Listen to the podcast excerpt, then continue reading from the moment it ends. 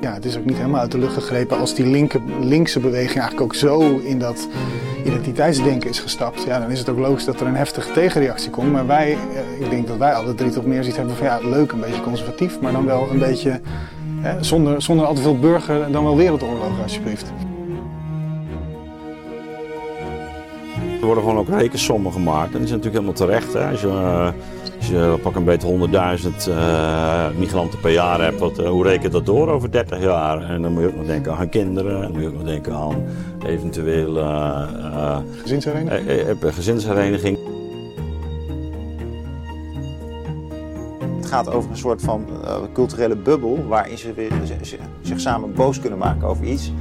Terwijl eigenlijk een enorm lullig figuur daar uh, een courant staat te verbranden. En hij heeft helemaal geen aanhang. Dus ja, waar hebben we het nou over? Welkom bij de Nieuwe Wereld, verdiepende gesprekken in een tijd van verandering. Mijn naam is Rogier van Bemmel. Het is tijd voor het nieuws van de week van zondag 21 januari. En om dat te bespreken zitten vandaag bij mij aan tafel Ad Verbrugge en Jelle van Baardenwijk.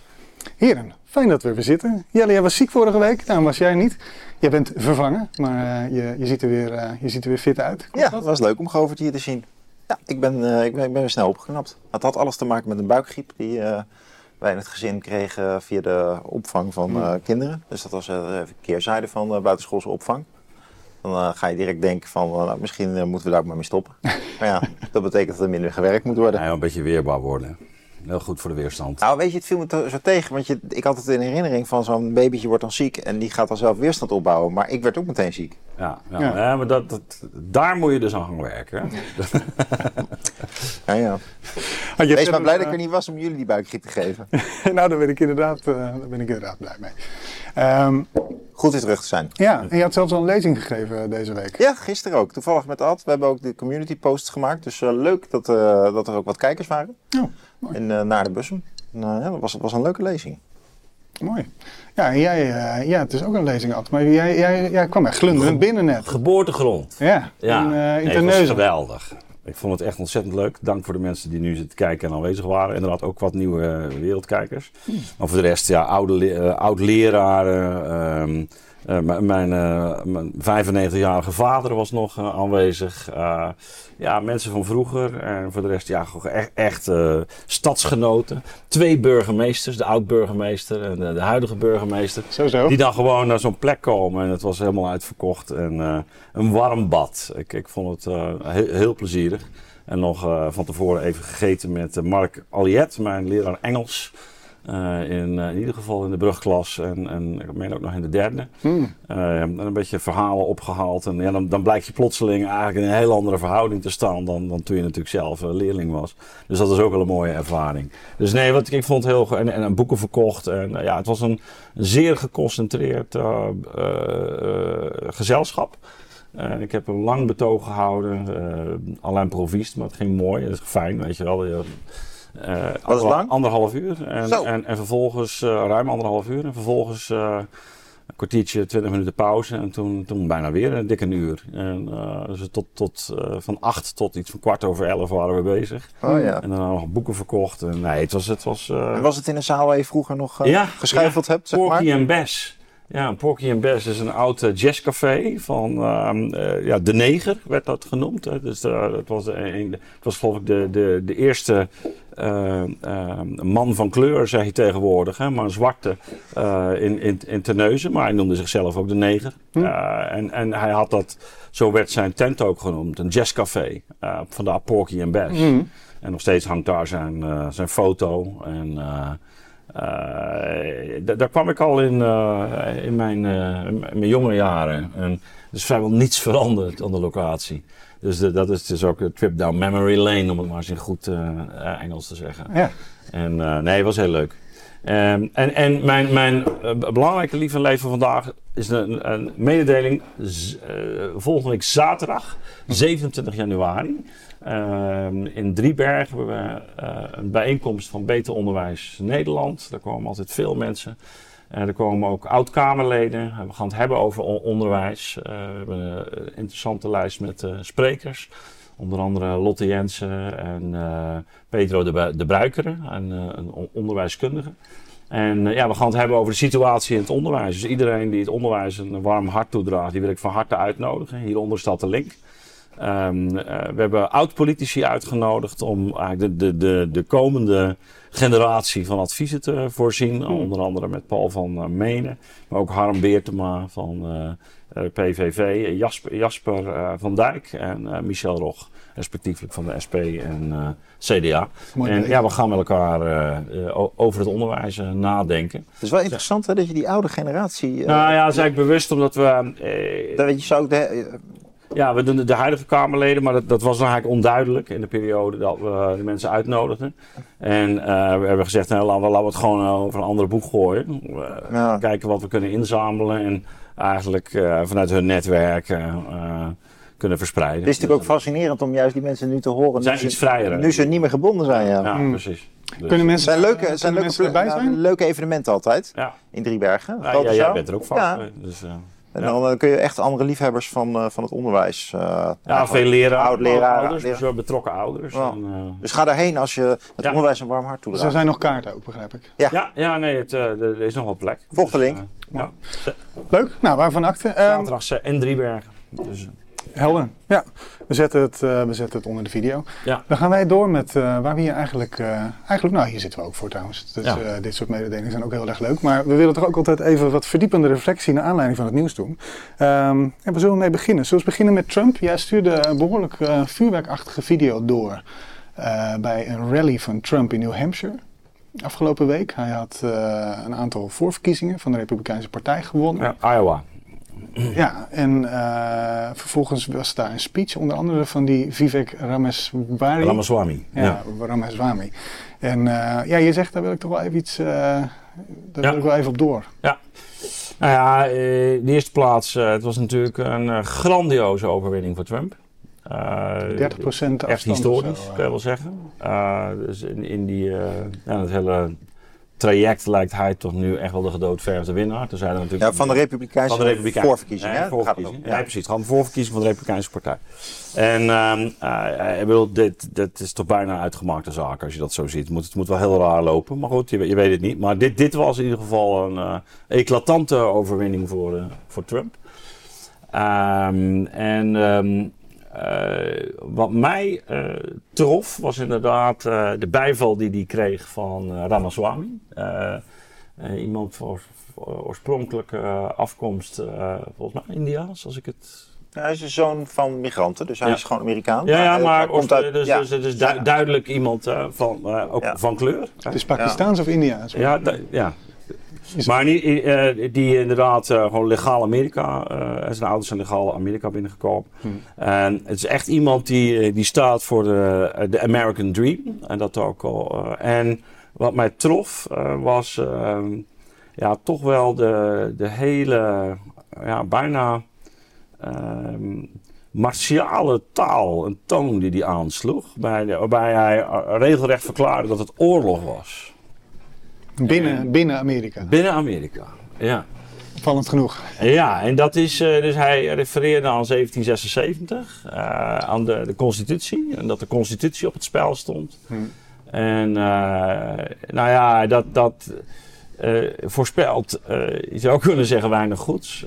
Voor sommige- sommigen is het misschien veel goeds. Maar het, het is in ieder geval een sfeer waarin het heel duidelijk is dat eh, deze man, eh, die volop zijn steun aan eh, Trump betuigt, dat hij vindt dat er een, echt een strijd gestreden moet worden. En niet zomaar één, maar dat is één waarin de constitutie op het spel staat. En die op allerlei manieren wordt bedreigd.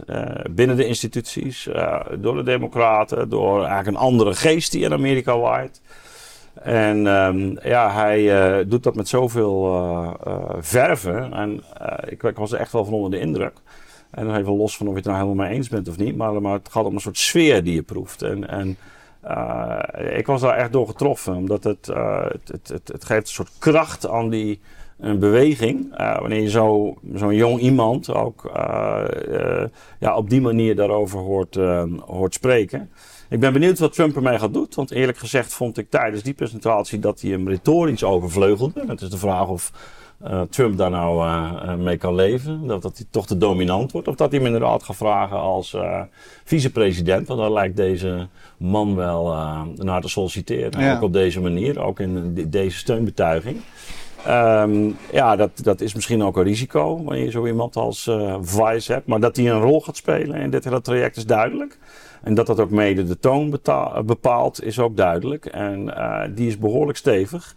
En met name dus dat, eh, dat idee van die, die oorlog die eh, intern gevoerd gaat worden. Ja, dat ik, ik, als, als Trump weer aan de macht komt, dan sluit ik ook niet uit dat het, dat het behoorlijk eh, anders, andere vorm zal krijgen dan eh, eh, was in 2016. Dat kondigde die ook eigenlijk aan. Ja. Hij zegt de vorige keer, Ja. hè, we Ja, laten ons dit keer niet Hij, dan zie je dus, daar had hij dan met Swami het ook over natuurlijk, over CIA, FBI. Dus dat het, dat het echt een soort grote schoonmaak eh, gaat worden. Nou, dit, dat, die geest ademde die bijeenkomst. En ik denk dat we daar, eh, als je de tekenen van de tijd eh, leest, eh, dat we daar op bedacht moeten zijn. Want dit, we, le- we leven in revolutionaire tijden. Ja, dat, dat, daar was ik me echt van bewust. Hm.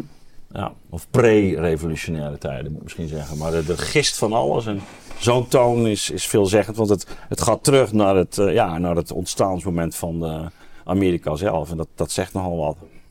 Ja, Ja, wat ook voor, natuurlijk eh, de- uiteindelijk de uitkomst van, eh, van een oorlog was. Hè, op een bepaalde manier. Absoluut, Dus, absoluut. eh, ja. ja. En ehm, ja, we zitten in de, de, de Pluto terugkeren, maar wel dus andere materie. Ja, Dus, eh, hier al vaak genoemd, ja, vooral door ja. mij. Ja, dus ja, Vandaag in conjunctie van met de zon. Ja, ja. precies, ook nog. Ja.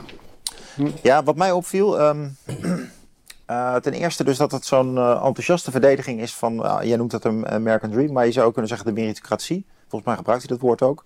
Dus de, echt het idee van, ja, ik wil in een land wonen waar je beloond wordt om je daden en je talenten. En eh, dat deed mij dan weer denken, eh, ook aan andere dingen die hij zei, bijvoorbeeld over geslachten en grenzen. Ja. Aan woke, aan eh, de Harvard Universiteit en het aftreden van die, eh, van die gay, die vrouw. Eh, die heet gay, dus even voor de duidelijkheid. voordat daar verwarring over bestaat. Gay. Ja. Hm. Ehm, en die, eh, die trad af en die was meteen eh, ja, met de verdenking van, ehm, van, van, van fraude zelfs. En, eh, maar vooral ook omdat ze zich op een bepaalde manier had uitgesproken over eh, oorlogsvoering van Israël. En eh, het, een heel activistisch type, hè, waar, waar het vakmanschap nu van wordt, van wordt betwijfeld. Eh, activistisch ook in de zin van wat de opvattingen zijn over eh, bijvoorbeeld eh, gender. En de- deze jongen die staat eigenlijk voor, hè, we gaan toch naar Amerika waar het echt om prestatie gaat en om wat hij feiten noemde. Hè. Dus sommige dingen waren misschien meer politieke overtuiging dan feiten, maar biologische feiten. Ja. Maar bijvoorbeeld ook dat hij zo enthousiast is over het kapitalisme.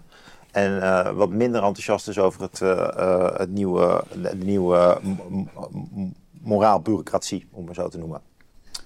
En eh, dat is toch wel opvallend. En dat zou ook eh, de links-progressieve Amerika zich wel een beetje in de spiegel mogen kijken. Dat eh, dus dat, dat het woke-gedachtegoed zo erg gebruikt wordt in dit soort speeches. Dat er zoveel eh, pijn zit rondom die thema's. Grenzen, eh, geslachtsverhoudingen. Maar ook worden mensen nog wel om talent, eh, op talent eh, beloond op hun werk. Hm. Of draait het hier eigenlijk toch om andersoortige privileges?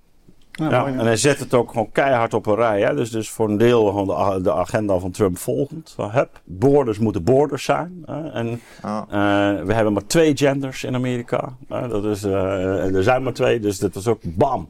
En, eh, en de rest, de- we gaan ophouden met die onzin. Dat was het. Hè? Dus affirmative action, weg ermee. We- Je moet presteren en dan kom je op een positie. Dus het is echt op die. Maar dan zie je dus hoe, En, de, en- hoe, hoe en links- heel ferm. En eh, ja, dat was. Maar dan zie je dus hoe links, eh, links progressief dus de hand overspeeld heeft. Door maar zomaar te blijven hameren op Paarse Vrijdag en diversiteit. Ja. Ga je dus nu, in plaats van dat je nog een tolerantieregime hebt van ja, er zit nog wat tussen. eh, hebben ze helemaal opgeblazen met al die letters. Hè? Die, die, die, die, die grepen in die letterbak steeds. Van LHBTQ plus X, Y. eh, en, en dus nu het resultaat is, er zijn er nog maar twee over. Dus het is echt heftig. Het is echt heftige antidialectiek. Hm. Dat is, dat, Nou ja, jij, jij, eh, Ad, jij zegt al, eh, eh, als je de tijd een beetje aanvoelt, hè, dit, dit, er waait een bepaalde wind. En jij laat eigenlijk ook al zien met die verwijzing naar Claudine Gay ook, inderdaad. Het, het, het is ook wel zo dat die, dat die hele woke, of die hele DEI, hè, zoals die, die Vivek dat dan noemt. Dus die diversity, equity en inclusion is dat geloof ik. Dus eh, diversiteit, gelijkheid en inclusie. Die hele agenda, dat die ook in dan inderdaad op een gegeven moment dat als een hele groep studenten op de Harvard Universiteit staat te roepen van hè, from the river to the sea. eh, dat, dat de Palestijnen bevrijd moeten worden. En zo iemand zegt, ja, dat is niet echt antisemitisch, dat hangt van de context af.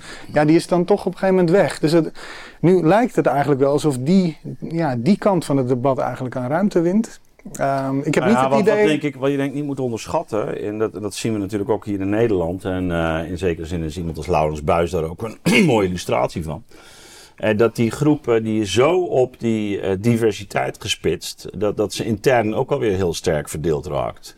En eh, dat, dat zien we ook overigens hier rond de dierenactivisten, eh, die, die plotseling dan ook een, een soort eh, Palestina-agenda blijken te hebben, waardoor anderen weer afhaken. En, ehm, of verzet tegen van de, de, de jongere, eh, laten we zeggen, bies te- tegen de traditionele homo's. En daar willen ze zich ook weer van. Dus die identiteit is vooral ook continu een probleem. En, en dus die groep is intern eigenlijk eh, eh, vrij zwak, omdat ze zich ook, ook eigenlijk allemaal. is, ze hebben zo'n geme- gemeenschappelijke vijand, is een soort van mainstream. Maar tegelijkertijd is het intern ook, ook loszand. Ja. Omdat die, die, die, ze gaan terug naar de pure individualiteit, die tegelijkertijd dan weer een soort groeps. signatuur moet krijgen. Nou, daar, daar, daar kom je nooit meer klaar. Want dan, dan, dan bij, bij weer een groep, en dan moet je eigenlijk daar weer bijzonder in worden. Dus je ziet eigenlijk die dialectiek voortdurend van eenheid en onderscheid, om met Hegel te spreken. Ja, Nou, dat is- En, en, en, dus, Ja. en dat verkruimelt. En je mag niet zeggen dat je een jongen bent, maar vervolgens ben je de hele dag zenuwachtig over of je nu een jongen of een meisje wil zijn. Ja, ja dat, is- dat, dat zijn allemaal, allemaal tegenstellingen. En je ziet dat die andere kant, eh, dat voel je. En dat heeft denk ik ook voor jongeren een bepaald soort elan. Dat daar gaat, daar, gaat, daar gaat toch een soort kracht. En dat vond ik dus ook bij die eh Vivac heel duidelijk. Van jongens, hup, weet je wel. Het is een soort eh, be- beschaafde Andrew Tate, weet je wel. Ik denk van ja, waarom ontleen je nou richting aan? Ja, dat wordt dan toch meer van hier heb je, neem je het leven in eigen hand. En Ja. ik denk dat, dat, dat dit nu veel progressiever is. En dat eigenlijk wat zich progressief eh, noemt, ook iets, iets regressiefs heeft. Precies omdat het in een, in een regressiebeweging naar een soort van kinderlijk slachtofferschap toebeweegt. Dus ik, ik ben geneigd om het progressieve re- regressief te, te, te noemen. Nou, wat ik, wat ik graag, eh, regressies. Wat ik graag even van je voor wil, want je, je schetst het heel mooi hoe die, hoe die bewegingen met identiteit en afgrenzingen werken. Ja. Wat mij nu, waar ik me een beetje zorgen over maak, met betrekking tot inderdaad die twee winstmomenten eigenlijk voor deze kant, hè, voor de meer conservatieve kant zou je kunnen zeggen, is dat die eigenlijk ook dus heel erg hun identiteit eh, op een bepaalde manier ontlenen aan het zich afzetten, juist weer tegen die Nou ja, dat is, progressieve. en daarom en dat ik vind ik er jammer ja, aan. Daarom vind ik dus zeg maar, die terminologie van oorlog en zo is wel heftig. Want Ja. het betekent dus dat het. eh, ehm, ja, je, je- kan op een gegeven moment. eh, we hadden het hier een tijdje geleden over choose your battles. Hè, van.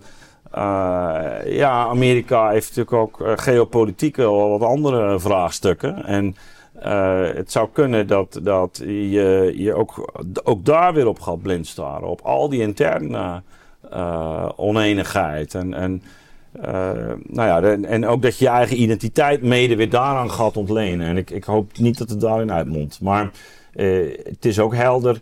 We hebben het niet over een, eh, zomaar een, een, een modieuze wind van woke of eh, van een diversiteitsagenda. Dit gaat over een hele institutionele transformatie van de afgelopen decennia. Dus dat, dat, daar, ehm, dat hij dus vervolgens zegt, ja, we gaan hier tegenin.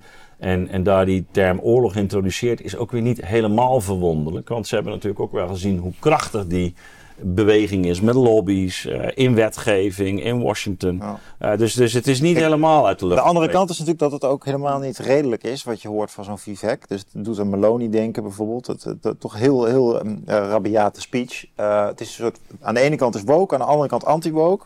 En als je dan Kennedy's speeches hoort, Ja, dan zit ook die kritiek op het systeem. Maar dat is dan veel meer thuiskomen voor mij. Absoluut. Dan, Nee, dan, dus- dan, dan, hoor je, dan hoor je meer de, ja. de, de redelijke kritiek. Dan denk ik meer van, nou, ik hoop dat die Amerikanen op hem stemmen. En over frappant, hij was een democraat. Maar daar is hij dus, eh, Ja. hij is nu een soort tussensmaak. Ja, we hebben het al vaker gehad. hij schijnt geen, geen schijn van kans te maken. Nee. Nee, dat is jammer inderdaad. Maar als je het nou hebt over de redelijke stem, die al deze kritiek ook heeft, dan kom je bij hem uit en niet bij eh, Vivek en Trump. Bij, bij Kennedy. Ja, bij... bij eh, in Ja, het veel- NRC veel- ook, eh, in het NRC wordt hij ook geportretteerd als een, eh, als een radicale gek, hè? Die kennen Ja. we. Dat- in NRC dat Handelsblad. Ja, zo. ja, maar ja, dat, is, me Ja. van de week ook op. In is- Handelsblad ben je of links beetje- of extreem rechts. Ja, ja, Dat zijn een beetje de smaak. Ja, nee, je kan ook nog radicaal rechts zijn. Dat is iets minder erg dan extreem rechts, Ja. heb ik het idee. Maar, ja. Het is wel interessant dat dat gebeurd is, hè, die bubbelvorming. Ja, dat, maar, dat, hef- dat je die twee smaken nog over hebt. Een beetje een wookrantje. maar dan krijg je dus ook, hè, want daar hebben we het eigenlijk ook over, die polarisatie, dat het dus allemaal opschuift. En dat jij ook zegt, ja, het is ook niet helemaal uit de lucht gegrepen als die linker, linkse beweging eigenlijk ook zo in dat identiteitsdenken is gestapt. Ja, dan is het ook logisch dat er een heftige tegenreactie komt. Maar wij, eh, ik denk dat wij alle drie toch meer zoiets hebben van, ja, leuk, een beetje conservatief, maar dan wel een beetje... Hè, zonder, zonder al te veel burger, dan wel wereldoorlogen alsjeblieft. Ja, en conservatief ook. Ik weet ook niet of dat het helemaal Nee. adequaat uitdrukt. Je hebt echt wel een eh, revolte van de instituties nodig. Hè? Dus een eh, gang door de instituties. En dat is niet echt goed te rijmen met het conservatieve gedachtegoed. Dat zag je in coronatijd ook in Nederland. Dat de conservatieven toch niet echt door hadden wat er speelde. En, eh, te veel vertrouwen in de overheid. En, eh, dus het is, ook niet helemaal het woord. Maar ik snap goed wat je bedoelt. Zo, eh, willen we op dat woord nog door of gaan we Nee, naar het volgende, volgende onderwerp? Ja, oké.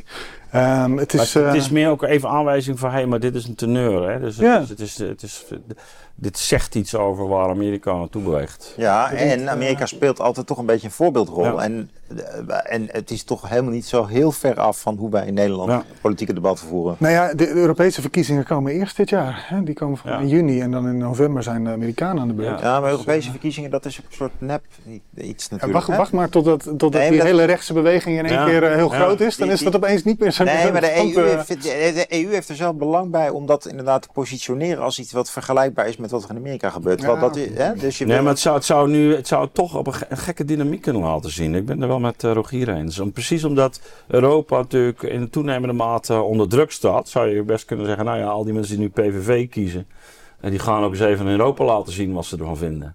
En eh, dat geldt voor die AFD'ers ook. En dat Ja. geldt ook voor eh, Nee, maar wat ik probeer- de stemmers op, op, Ja. eh, op Front Nationaal. maar de grote beslissingen op Europees niveau die hebben niks met, de, met het democratische Nee, proces nee, nee, te maken. nee. Dus Nee, de nee, centrale bank, het vluchtelingenbeleid. Nee, maar het is heel belangrijk om te zeggen dat Nee, zeker. het is ook een soort schetsvertoning democratie in Europa. maar, Het, ook de eurofielen, zoals de Volt-stemmers, die weten dat donders goed. Hè? Dat is gewoon bekend. Het is, het is maar een heel klein deel waar democratische controle Nee, over maar als je het hebt over democratische legitimiteit, de hele beeldvorming rond Europa, zou het natuurlijk, het, het zou, het zou raar kunnen lopen dit jaar. Ik- nou ja, als je, als je ziet wat de PVV, die hebben ook nog geen macht. Maar als je ziet wat dat in de media teweeg heeft gebracht Ja. aan, eh, aan een reactie. Ja, nou ja, ik lees vooral veel stukken dat het YouTube-algoritme te populistisch is. Ik weet niet of het zoveel beseft. Nee, dat vind ik juist schrikbarend, weet je dat? Ik vind het echt schrikbarend hoe weinig besef er uit de kranten blijkt van wat er gebeurd is. Maar dat is mijn punt. Het polariseert Ja, daardoor heel erg. hè. Ja, dus dat, is het, dat is het gevaarlijke ervan. Ja, ja oké, oké, zo bedoelde je En dan zitten we misschien nog bij de spreidingswet. Ja, laten we daarop doorgaan inderdaad. Want we hebben vandaag niet heel veel tijd. Ja. Ehm, die is door de Eerste Kamer. Ik weet niet wie van jullie zal ik, eh, zal ik daar het woord... We hebben eigenlijk een, laat ik het clustertje eerst even samenpakken. Dus de, de spreidingswet die eh, eigenlijk in de nieuwe politieke verhoudingen van de Tweede Kamer... waarschijnlijk nooit doorgestuurd zou zijn naar de Eerste Kamer. Maar die lag daar nog. Eh, oproep van Jezel Gus, de leidster van de VVD geweest... om die niet, niet ja, goed te keuren. En notabene haar eigen VVD, haar eigen. VVD-fractie in de Eerste Kamer... Ja. zorgde eigenlijk voor een meerderheid voor de spreidingswet. Ook onder andere door eh, de inzet van, eh, van staatssecretaris Van de Burg. Hè. Dus ook vanuit het kabinet waait daar een andere wind dan vanuit het, eh, vanuit het, vanuit het nieuwe parlement. Logisch ook, uiteraard. Ehm, Weet ik ja, niet. dus die is, er, die is er wel doorheen nu. Dus dat is binnen de VVD een split. En tegelijkertijd verscheen er deze week een, eh, een rapport van de staatscommissie over eh, wat er in 2050 rond bevolkingsgroei, immigratie en dergelijke zou moeten gebeuren.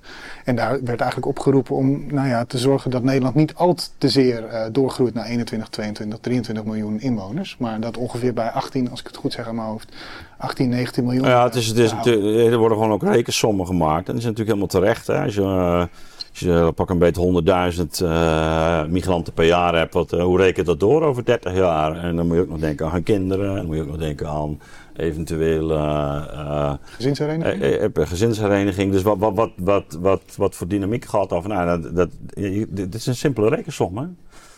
En, en wat betekent dat ten opzichte van eh, de, de, de, mensen, de mensen zonder migratieachtergrond? Eh, wat doet dat met steden? Eh, wat betekent dat voor nou ja, vraagstukken rond onderwijs, milieu? eh, sowieso dat Nederland dit, groeitempo heeft. Maar ook, ook, ja, ik zou zeggen, kijk even naar de sociale dynamiek die we op dit moment waarnemen. En dat, is, dat is eigenlijk het. eh, ja, dus even naar de spreidingswet, of wou je daar nu. eh, Ja, ik wou meer over wat jij nu zegt. Kijk, iets belangrijks dat zo'n rapport verschijnt, dat we onderzoek doen op eh, deze lange termijn hoe Nederland eruit ziet. Ja. Dat we even onderstrepen dat dat echt geweldig is. Hè? Absoluut. Dat is natuurlijk echt Nee, planning. ja, dat is dus deze, en daar staan we nog heel meer bij stilstaan. Dat sommige, Ad schrijft er ook over, in de, de gezagscrisis gaat heel erg, een, een thema is van ja, we hebben ook onze eigen onmacht georganiseerd. En waar zit Ja. hem dat in?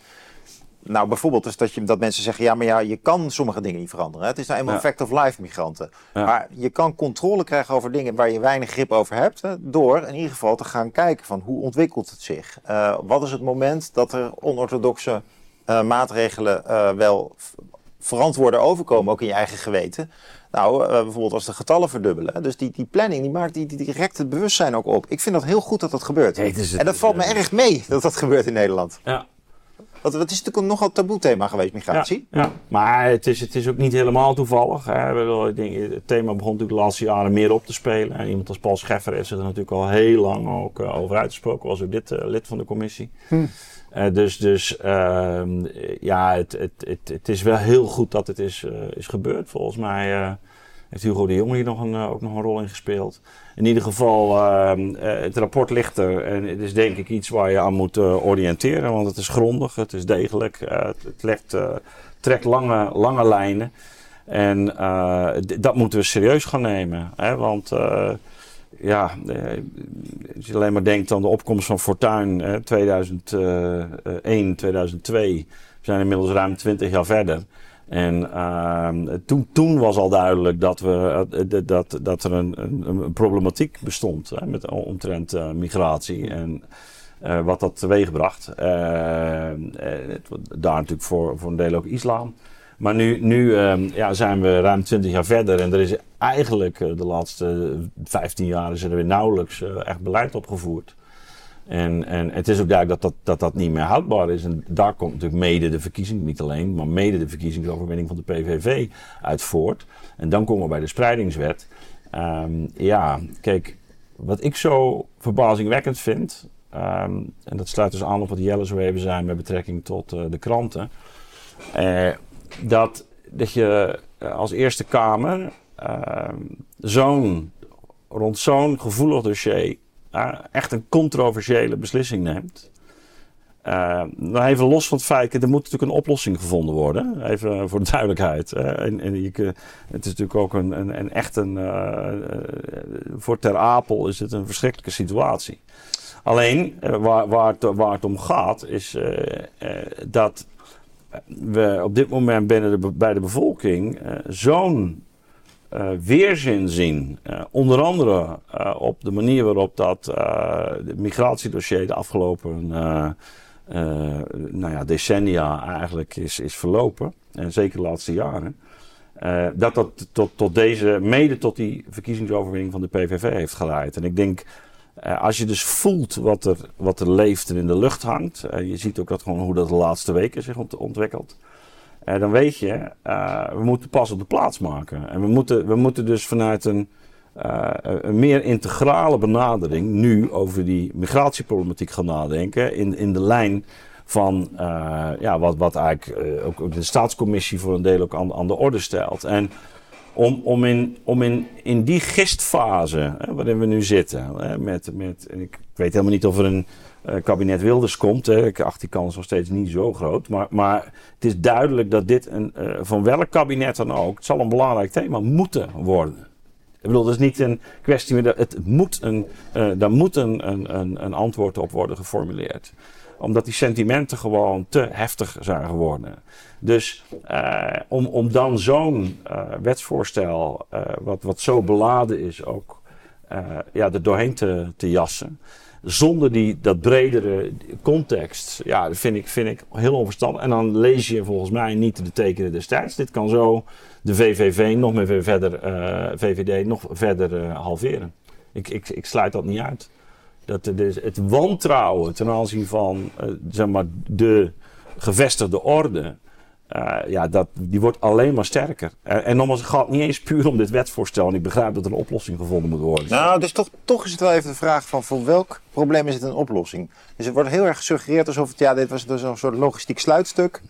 Eh, ter Apel eh, loopt over. Als je de cijfers bekijkt, Ter Apel is nog redelijk gecontroleerd. Het probleem is hoe de mensen zich daar gedragen en dat het al jarenlang speelt. En dus eh, eigenlijk als dat gaat gebeuren nu dat andere Ter Apels worden geopend, dan zal, het zich herhalen. Veel onrust. Hè? Dus het is, niet, het is niet zo alsof Ter Apel werkt. Gaat het over het openen van meer? Volgens mij gaat Ja. het over het, eh, het Spreiden. Het, Het spreiden, het spreiden eh, van, meer, me- van, van, mensen. Ja. maar- dat betekent niet dat er Nee, veel minder in Ter van Apel komen. Hè? Niet, niet de toegang in Ter Apel, maar het meer, volgens mij gaat het Ja. over het eerder wegsluizen zeg maar, vanuit Ter Ja. Apel naar andere Ja, plekken, maar de problemen inderdaad. Maar daarmee zit Even als nuance, gewoon voor Ja. rust, eh, Ja, ja. Nou, ben ik bij je. Maar het belangrijke is natuurlijk dat, dat de, ook op die andere plekken zullen dezelfde irritaties bij burgers gaan ontstaan. Dus die, deze logistieke maatregel maakt wel dat het systeem wordt opgeschaald. Dat heeft bepaalde eh, voordelen, maar dat maakt de situatie ogenschijnlijk menselijker. Maar de- je moet het tot een, een meer integrale benadering van hoe ziet zo'n opvang eruit? Wat doen die mensen overdag? Hè? Wat, doe je, wat doe je met al die jongens? Er zijn veel jongens die komen. Dat is ook een beetje dat- wat Ad zegt, En toch? je moet het in de ja, context ik van vul het hele verder in. beleid... Ik vul het eh, verder in. Ik ben het ook helemaal eens met eh, wat, wat, wat hij verder zegt. Oké, nee, ik dacht dat je met maar Ik vond het ook goed dat je opende met die, met die Eerste Kamer, als ik daar nog wat over mag zeggen. Ja, natuurlijk. Ja, nou ja, want het is natuurlijk, eh, kijk, Pieter Omtzigt wees er al op van het is nou ook heel interessant dat de Eerste Kamer dus een soort gepolitiseerd raakt. Dus wat is de bedoeling van de Eerste Kamer? Je toetst eigenlijk de degelijkheid van wetten. Dus het is een eh, eh, chambre de réflexion. Eh, maar wel in de zin van, ja, klopt het wel? Is deze wet uitvoerbaar? Werkt het? Eh, maar wat er nou gebeurt is, ja, iets wat in de Tweede Kamer nooit meer doorheen zou kunnen komen, dat wordt nou wel door de Eerste Kamer Ja, alsof ze nog even de, de, de laatste, Ja, dus, dus de, laatste de poli- grijpen. ja, ja, en dat is niet waar de Eerste Kamer Nee. voor bedoeld is. Dus het is nu een soort, de Eerste Kamer is zelf een politiek orgaan geworden. Nou ja, met deze beslissing. En, en- dat, dat, is, dat is al eigenlijk al decennia bezig, dat daar een soort spanning tussen bestaat. En dat is ook weer, dat is ook eigenlijk institutioneel, dat klopt natuurlijk niet. Hè? Want, Ja, en laten we niet want dan krijg je dus getrapte verkiezingen. Dus zoals, de- het kabinet is gevallen op migratie. Hè, dus ook nog eens. Hè? Ja. Dus, dus, dus zo zwaar bewogen thema al. Even wat tegengas. Je zou kunnen zeggen, deze wet... Nou, moet het Eh, pragmatisch oplossen. Ja. Nou ja, het is een wet die gaat niet over, eh, inderdaad, over Nou. het vergezicht over hoe we met migratie omgaan. Het gaat er op korte termijn over dat de commissaris van de Koningin in, eh, in Groningen volgens mij een, eh, een soort... ja, een, Instrument. een, een- een soort, soort burn-out krijgt van de situatie daar. En dat alle burgemeesters in Nederland te- hier tegen diezelfde problematiek aanlopen. Ja. Dat ze zeggen van jongens, eh, laten we nou in godsnaam die wetten. die wet die lag al in de, twee, in de Eerste Kamer. Daar is juridisch gezien niks mis mee. Nou, die, die maatregel die, die wordt genomen. We gaan spreiden en vervolgens gaan we na de formatie gaan we wat aan Ja, maar dit is dus helemaal het probleem met, met managerial denken. Dat, dan isoleer je het van de context. Ja. de context is, eh, asielzoekers kunnen ook een projectiescherm worden. Van dat zijn de vreemdelingen. Mensen zijn natuurlijk vooral, denk ik, ook kwantitatief gesproken, bezorgd over eh, arbeiders uit Tsjechië, Polen, eh, weet ik waar allemaal vandaan, die eh, onze bol.com pakketjes tegen onder slechte arbeidsomstandigheden in elkaar zetten. Daar is een goed boek over verschenen van Jeroen van Bergijk, als je daar meer over wil lezen. Undercover aan het werk is echt een serieus probleem, arbeidsuitbuiting. Verdringing van Ne- Nederlanders op de arbeidsmarkt. Eén. Ehm, twee, expats. Drie, studenten uit andere landen die onze universiteiten overnemen, koloniseren met hun Engels. Eh, dus wat heb je eigenlijk? En een vraagstuk van hoe ga je om met migranten in de brede zin? Die asielzoekers zijn eigenlijk de mensen die je nog het meest wil beschermen. Eh, maar die zijn op een of andere manier in de publieke verbeelding natuurlijk wel in staat om kop van jut te worden. En met zo'n spreidingswet nu, mensen kunnen dus, die gaan het nu niet. Dus het is niet goed voor, vreemde, voor het, het, het, het neutraliseren van het vreemdelingenzorg of vreemdelingenhaatproblemen. Dus het is, je, moet, je moet echt naar een integrale agenda van hoe ga je om met, eh, met, met, met, met buitenlanders die hier komen wonen. Hoe kijken we daarnaar? En nu door dit door te zetten, krijg je toch, ja, je, je krijgt hele scheve gezichten naar die asielzoekers. Terwijl die asielzoekers, ja, die kunnen daar niks aan doen, verdomme. Nou, er zitten natuurlijk ook heel veel problematische asielzoekers bij. Dat ook, dat dus ook, dit maar- is, dit is maar het toch- hele plaatje. Ja, Dus je moet het hele plaatje bekijken. Ook Dus- tegen de achtergrond van de migratiegeschiedenis in Ja. Nederland natuurlijk. Het gaat ook wel degelijk over hoe Nederlandse eh, Marokkanen en Le- Nederlandse Turken eh, nu eh, in- bijvoorbeeld in het Palestina-conflict staan. We hebben echt een vraagstuk over wat is Nederlanderschap. Hm. En Nou ja, je zou nog steeds kunnen zeggen, dit juridische vraag, of dit, dit- deze, deze verspreidingsopgave die nu heel acuut en dringend is, Oké, daar kun je vast iets mee doen en dan vervolgens ga je dat beleid maken. Ik denk dat veel mensen op, op zo'n manier zullen reageren op wat jullie zeggen. Hè? Van ja, maar daar gaat het toch niet om. We moeten nu op korte termijn moeten even. Nee, maar dan, je Maar zet, dus- je dus zet dat- qua bloed. Je zet Ja. qua bloed. En je, Ja. maakt, je opent projectiemechanismen. Namelijk dat mensen daar alles die ze. De, de, de oorzaak van heel veel problemen naar die, naar die vluchtelingen gaan toe projecteren. Nou ja, goed, dat is, dat- dat- ik denk dat je dat niet moet onderschatten. Nee, dus dat, dat Je is- beschermt die mensen uiteindelijk op de lange termijn niet. Dat, dat is denk ik ook het probleem. Bovendien eh, eh, zie je binnen die formatie natuurlijk eh, nu iets heel eigenaardigs ontstaan. Dat natuurlijk die, eh, heel die positie van die Zilgus is natuurlijk zwaar eh, on- ondermijnd. Eh, je merkt ook de, de, de grote irritatie bij, bij Wilders.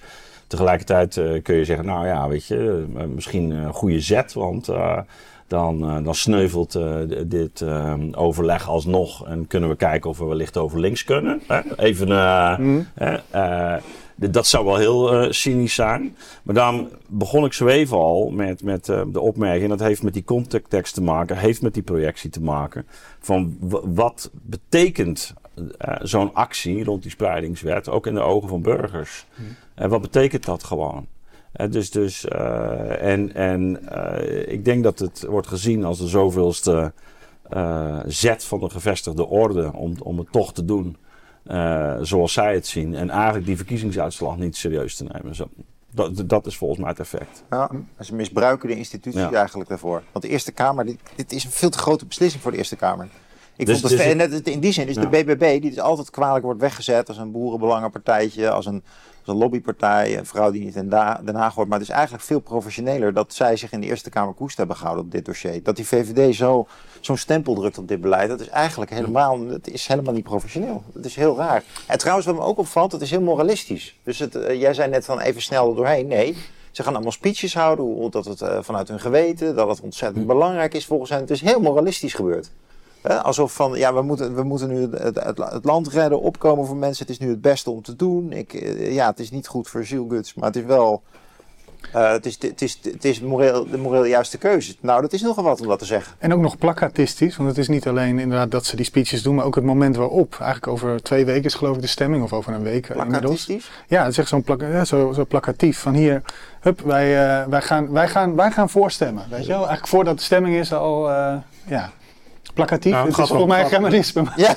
Als ik u zo zie kijken. Ja, ik, eh, ik denk een nieuw woord. Ah, dan kan, dan kan die, eh, die bingo, die kan zijn die kan Een zijn bingo nieuwe- eh, Nieuwe wereldwoorden. Ja, Plakatief. ja, plakatief. Nou, ik vind We het gaan wel. het, eh, we gaan het Ja, gebruiken. maar dan kunnen ze een vinkje Heel, heel zetten bij, plakatief, eh, eh, bij actie. bingo.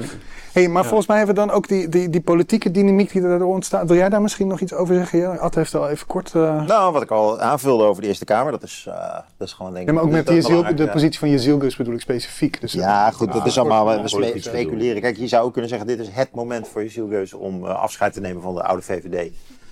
Bedoel, dit is, als, zij nu, eh, als zij echt voldoende geldingsdrang heeft en eh, denkt van ik wil echt, dan zou ze natuurlijk juist nu ook kunnen zeggen, eh, kom tegen de krip. Maar ik, ik vind het scenario, ik had er niet zo over nagedacht, maar dat kwam even binnen. Dus eh, zou ook kunnen dat dit een poging is in de VVD om naar links te keren. Dat zou ook goed kunnen. Ja. Dus ik, ik, dat vind ik eigenlijk een sterker scenario. Maar laten we het niet onderschatten. Misschien gebruikt ze het juist. Ze reageerden koeltjes hoor, vond ik. Zo van, nou, dit zou zo- zoiets als, dit wordt heel tijdelijk. Of, eh, we, gaan het gewoon, eh, we gaan het gewoon weer aanpakken. ja. Ja, Hey, dan ja. ga ik- ga ik dat, snel dat kan door, natuurlijk eh, ook, hè. Dat je het, eh, dat, dat, al- als er alsnog dat er meteen een ander wetsvoorstel komt. Ja, bedoel, Ja, dan is het ook opgenomen. Ja. ja, ja, dan zit je nog wel met deze kant. En nogmaals, dit is niet de kern van de problematiek. Nee. het gaat om een, in, en- om- een agenda eh, in, in- immigratie-integratie. En die zal ook niet in twee jaar geformuleerd zijn. Dus ja, ik denk dat dit toch, die spreidingswet die wordt nu wel, die gaat echt wel effectief worden. Want het grotere vraagstuk, ja, ik, ik neem aan dat als er een uh, rechtskabinet komt, dat, ze daar- dat, dat daar een visie op geformuleerd wordt. En dat, duurt, Ja. dat geduurt wel even. Nou, Maar, maar, goed, vanuit een nog wijder perspectief kan het ook toch wel een vooraankondiging zijn van een hele problematische eh, situatie. Waarin Eerste en Tweede Kamer toch, toch nog te ver uiteen liggen. En, en dat er dus eigenlijk weinig te regeren valt. Als, als dat, ja, hè, ik bedoel, ik kan zeggen, als we maken een nieuwe wet, nou, die wordt dan misschien weer niet aangenomen. Weet je wel. Eh, en daar heft de VVD zichzelf op. Nou ja, precies. Ook in dat, scenario is, over twee jaar is de Is VVD gewoon- nog is de kleiner. VVD weg. Ja, precies. Dat is de... Hey, ik schakel snel even door. We hadden, ehm, het, het ging deze week veel over de vrijheid van meningsuiting. Nu we het toch over het Nederlandse politieke klimaat hebben. Er was een eh, Pegida-man die wilde per se een Koran verbranden. eh, in alle, nou ja, Ja, Eh, dat is een rare, raar, verlangen lijkt mij, maar hij wilde dat. En eh, vervolgens werd hij beschermd door politie. In een soort busje werd hij naar een plein gebracht in Arnhem waar het dan zou moeten plaatsvinden. En daar stond een hele menigte, eh, nou ja, eh, islamitische eh, ga ik vanuit, Nederlanders die, die, die eigenlijk de linies van de politie doorbraken. En die man het onmogelijk maakte om die Koran daadwerkelijk in de fik te zetten. En vervolgens kwam er een oproep van de koepel van moskeeën in Nederland. Die zei ja, eigenlijk, wij hebben een heel plan klaar liggen. Hoe burgemeesters het verbranden van heilige geschriften. En ze trokken het dan wat breder dan alleen de Koran. zou moeten verbieden, want dat moet je toch niet willen met z'n allen. Zou die En beginnerman ingehuurd zijn? Was dat jouw... eh, Nee, maar het had iets surrealistisch. ja. Had iets volstrekt surrealistisch. Het is... eh, ik snap die associatie wel hoor. ja. Ik wil toch even, omdat we niet zo Ah, heel veel tijd hebben, meteen dat, dat punt van die vrijheid van meningsuiting in relatie tot godsdienstvrijheid, Ja. eh, eh, demonstratievrijheid, dat is denk ik toch wel de kern van de islam. Ja, ik, doorbouwen op wat Ad net zegt. eh, het is ook sociale mediacultuur waarin dit toch kleine incident heel groot wordt gemaakt. Dat viel sowieso op dat één iemand het wil verbranden. Eh, ik weet niet hoeveel aanhang er was, maar er leek bijna niemand te zijn. Nee, was wel allemaal, daar wel- wel allemaal politie, maar er waren Er past ook bij één man in dat politiebusje. Ja, maar er waren heel veel demonstranten die er tegen waren. En vervolgens eh, burgemeesters en mensen die het allemaal groot hebben gemaakt dat dit toch niet moet kunnen. Alsof ze ook op zoek waren naar een soort verhaal van kijk eens hoe eh, zwaar het eigenlijk is in Nederland om moslim te zijn. Hè? Dus het werd ook wel, Hmm. en het past ook, ik bedoel ik neem dat moslims ook in die zin niet kwalijk. Want ik zie ook wel, dat is ook sociale media dynamiek. En zo, eh, ik Nee, irriteer me ook wel eens mensen- aan iets kleins. Neemt het dat mensen niet kwalijk dat ze, dat Nou, ze ik mensen een trap het. geven die een Koran in de fik wil steken? Ja, maar hier bij de Nieuwe Wereld proberen we altijd even een methodologische opmerking. Proberen natuurlijk wel iets. Ik bewonder verder niet dat, dat ze dat zo doen. Ehm, maar ik, ik snap het wel. Het past ook bij de logica van eh, sociale media en hoe burgemeesters eh nieuws spinnen. Eh, dus, dus, dus je kunt zeggen het gaat over de verhouding tussen staat en religie. Je kunt ook zeggen nee, het gaat over een soort van eh, culturele bubbel waarin ze zich samen boos kunnen maken over iets. En zich eh, ja, toch ook een beetje oneerbiedig gezegd, maar gewoon een soort gedeeld slachtofferschap cultiveren. Terwijl eigenlijk een enorm lullig figuur daar een Koran staat te verbranden. En hij wordt ook- ook afgestraft, want die jongens die rennen er doorheen en die willen meteen in elkaar. Dus het, het is een Nou, hij wordt ook- hij krijgt een lullig trap, hè? figuur en hij moet ook de politie beschermd worden. En dat lukt dan nauwelijks. En hij heeft helemaal geen aanhang. Dus ja, waar hebben we het nou over? Nou ja, Nou, we hebben het erover dat, het, eh, dat die man dus fysiek aangevallen wordt. Op het moment dat het is een hele zwakke reactie om dan fysiek te gaan aanvallen. En wat mij betreft, bedoel, dit moet gewoon binnen de vrijheid van meningsuiting kunnen vallen, toch? Dat je, ik bedoel, ik ben er niet voor, hè, voor de goede orde. Maar in Nederland moet je toch dat soort dingen kunnen doen zonder dat je lijf, eh, en, lijf en leven in gevaar is. Ik vind Ja, dat- maar sommige heilige, sommige heilige huisjes vind ik. Kom op, dat is toch. We, hebben, we, we moeten Het is, toch ook, het is toch ook heel ostentatief, hè? Maar Zeker, zeker. Ja, dat is, kijk, die hebt natuurlijk wel gelijk. Als je kijkt naar de 18e en 19e eeuw, eh, eh, ook, ook bijvoorbeeld hoe, hoe het christendom het is bekritiseerd, hè, eh, of, of in de 20e eeuw ook volstrekt ridicuul is gemaakt. Hè. Eh, denk aan, De boomers. eh, ja, we, ik bedoel, neem de eh, eh, Life of Brian, hè, weet je wel, dat is de, Ja. de hele... Van Monty Python. Van Monty eh, Python, Life of Brian. Hè? Dat is de, tot en met de kruisiging toe. eh, ik bedoel, alles werd ontheiligd. En dat hoorde ergens bij eh, nou ja, onze religiekritiek. Dat, eh, en, en nogmaals, dat zie je volop in de, ook in de 19e eeuw. Eh, de, de, en het gekke is, wanneer het de islam betreft, eh, maken, zeggen we nee, maar dat, dat moet je niet doen. Christenen mo- mo- moeten het verdragen, Life of Brian. Maar maar en wanneer de prof- profeet wordt, te schande wordt gemaakt, dan, dan ligt de zaak anders. Dus, dit- ik, dus ik begrijp wel. eh, Hans Theeuwen en Theo Maassen durven bijna geen grapjes over Mohammed te maken. Nou, Hans Theeuwen wel, eh, hoor. Nou, die heeft ook in interviews wel gezegd dat hij daar, dat hij, eh, ja, Ja. Dat hij wel, dat hij wel gek zou zijn als ik hem Nou, hij houdt zich in. parafraseer. Dat, dat is, Dat hij wel Ja. gek zou zijn als hij, als hij, Ah. eh, als hij daar helemaal in, eh Ja, in los maar, maar goed, kijk, daar, de, de, de, dus, dus, dus ik, ik begrijp dat. Hè. Dus, eh, je zou kunnen zeggen, de hele geschiedenis van het Westen is er een geweest waarin men voortdurend posities van de voorafgaande periode eh, ook zwaar onder vuur heeft eh, genomen. Uh, denk aan de, reformatie en onze beeldenstorm. Ik bedoel, uh, dat loog er ook niet om. Uh, dat had als resultaat overigens dat de katholieken in, in ons land uh, tot uh, altijd in een tweede rangspositie hebben verkeerd.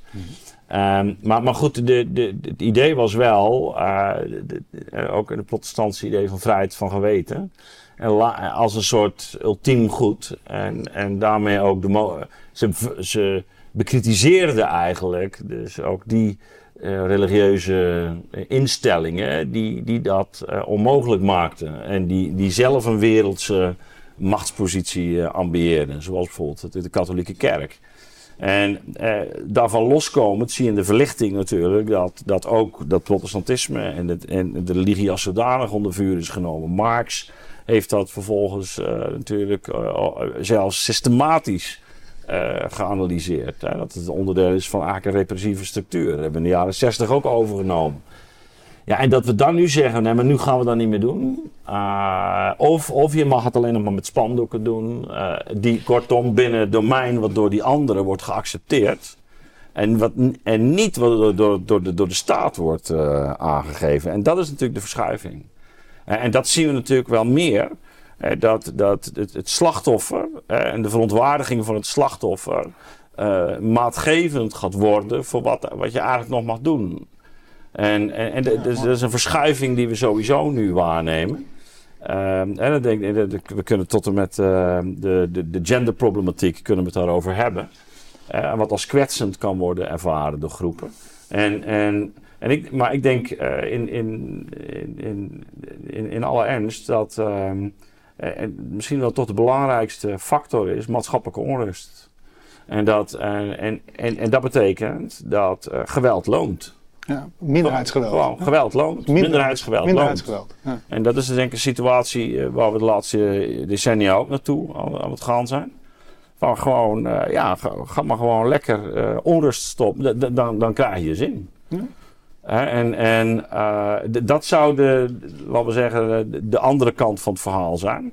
Waarbij ik helemaal geen voorstander ben van het moedwillig willen schofferen van, van religies. Nou, voor de goede orde, ik ook niet. Hè? Maar ik denk wel dat het heel veelzeggend is dat als het gebeurt, dat die vrijheid dan dus ook maar niet meer er moet zijn. Dat vind ik echt, dat vind ik echt twee heel verschillende. Het zijn heel twee verschillende. En, en we hebben dit zo groot gemaakt, niet omdat die man, maar omdat uh, hè, want die man is gewoon een eenling eigenlijk daar. Hè. Die Pegida-man. Ja, die Pegida-man. Dat, is helemaal, dat is helemaal geen demonstratie niet eens. Hè. Dus, dus dat is, dat... Het is niet dat een hele horde dacht, we gaan vandaag Korans verbranden.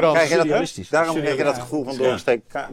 kaart ja, kan ik me haast niet voorstellen. Maar het is wel, het is wel, het is wel opgepakt en gebruikt. Maar dat je, dat je dan, dan zou je toch hopen ja, dat je inderdaad in, in ons land, uh, dat, je, dat daar dan een tegenbeweging komt die zegt van nou ja, uh, weet je, het moet gewoon kunnen, het is, het, is, het is schandalig. Maar nee, allerlei mensen, ook juist, ook wel uit die progressieve hoek, die juist zo kritisch was op het christendom, ja. uh, in die 60 jaar, Brian, die ja. zeggen van ja, maar dat moet, je eigenlijk, dat moet je eigenlijk ook niet doen, want dat is ook wel heel beledigend voor die mensen. Nee, je, schet, je, hebt, je hebt het eigenlijk heel mooi die achtergrond van die dynamiek geschetst.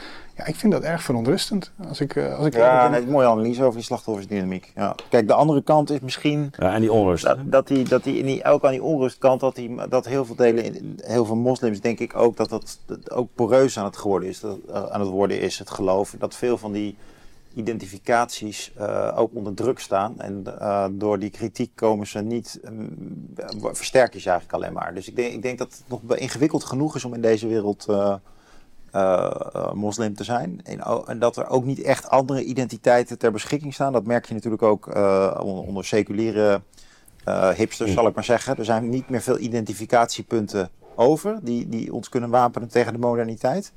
Uh, en dus tegen het uh, alleen maar hard werken. En ja, wat, wat is er verder nog in het leven?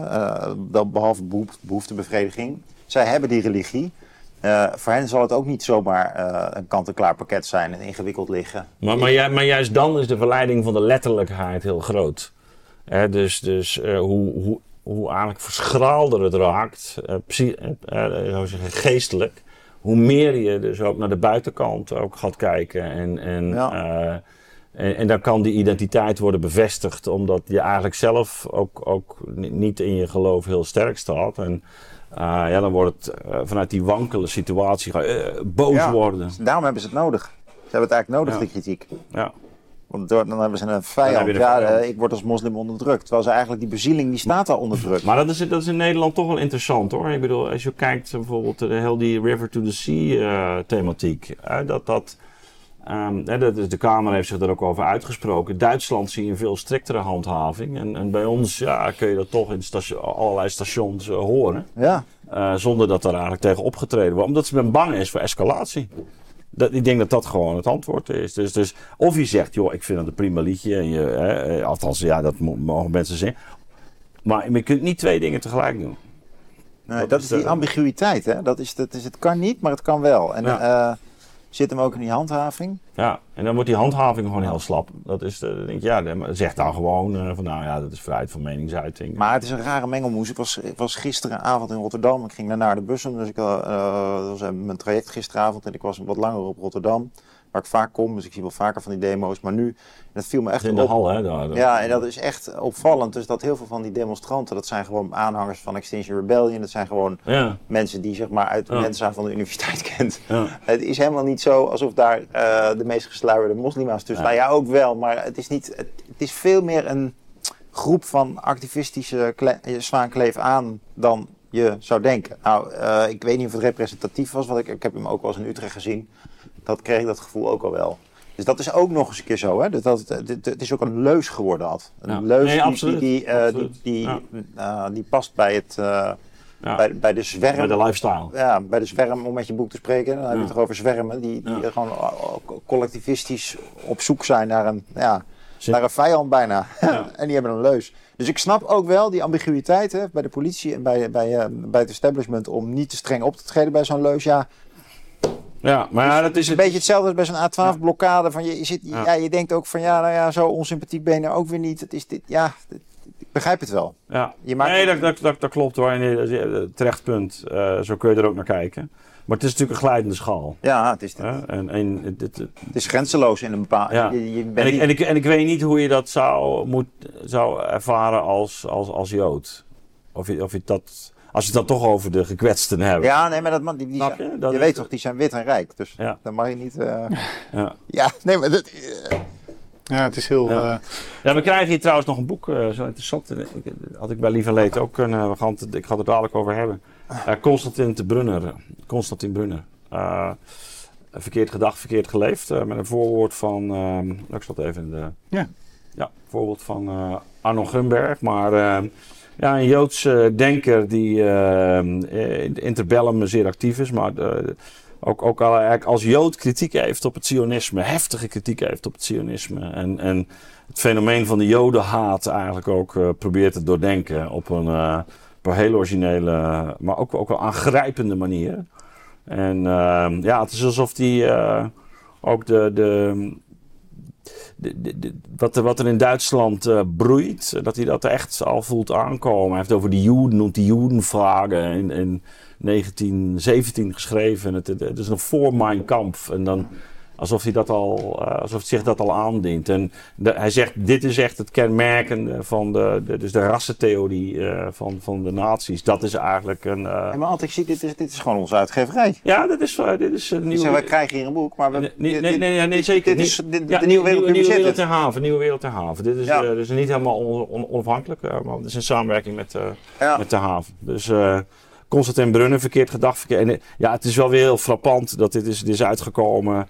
Ehm, nou ja, een beetje tegelijkertijd met de hele discussie over eh, het eh, nou ja, Zionisme, maar ook... eh, de- 7, 7 oktober uitgekomen. Of, eh, ja, nou ja, een paar, paar, weken, paar weken daarna. Een paar weken daarna. Ja. Dus het is echt... dat eh, is wat je noemt een zeitgemäße betrachting. ja, nou ja, dat hebben, we hebben nou een hele reeks. Want dus, maar, maar, de gezagscrisis kwam uit drie dagen voor de, de val van het kabinet. Oh. Eh, de liberale democratie onder vuur. eh, drie dagen na eh, de, de, de verkiezingsoverwinning van Wilders. Nee, maar jongens, koop het boek en eh, Ja, we gebruiken de is- tijd om nog even te kletsen over, is, ja. Ja, dat is- laten we... over eh, Treadwives en Jordan maar ik vond, dit, ik vond dit wel een mooie, ja, mooie manier om het even... Want het, het Ja. is voor ons allebei Nee, het was, nieuw. het dus, was, eh, eh, ik heb ja. het gesprek hierna, dus ik pak het even op. Ja, het, was niet, precies. het zat Ja. helemaal niet in de planning. Even kijken, ja, eh, de Treadwives en Peterson kunnen we het over hebben. We kunnen ook nog even, want ik, als ik naar de Ja, klok kijk, voor 20 eh, hebben we. misschien is het handig om even te beginnen met. Davos. Eh, Oh ja. Dat is gewoon iets wezenlijker en dat we misschien eindigen Ja. als we nog tijd hebben met... eh. Je moet ook een beetje het juice bespreken. Dat hoor ik graag van de kijkers. We gaan voor de, we gaan voor de, voor de zware stuf eerst. Oké, nou dan eh, deze week, ja, het World, Economic Forum eh, kwam voorbij. Zoals ja, veel van de deelnemers die posten uitgebreid video's en enthousiaste beschouwingen op hun sociale mediakanalen. Maar ons bereiken toch ook wat meer substantiële bijdragen. Zoals bijvoorbeeld de speech die wij, wij hebben alle drie volgens mij wel de speech van von der Leyen gezien. En ook de, de speech van Milei, de Argentijnse nieuw gekozen. wat is daar, president of premier? Van, ik weet eigenlijk niet eens wat precies zijn titel is. Maar van, ehm, eh, van Argentinië.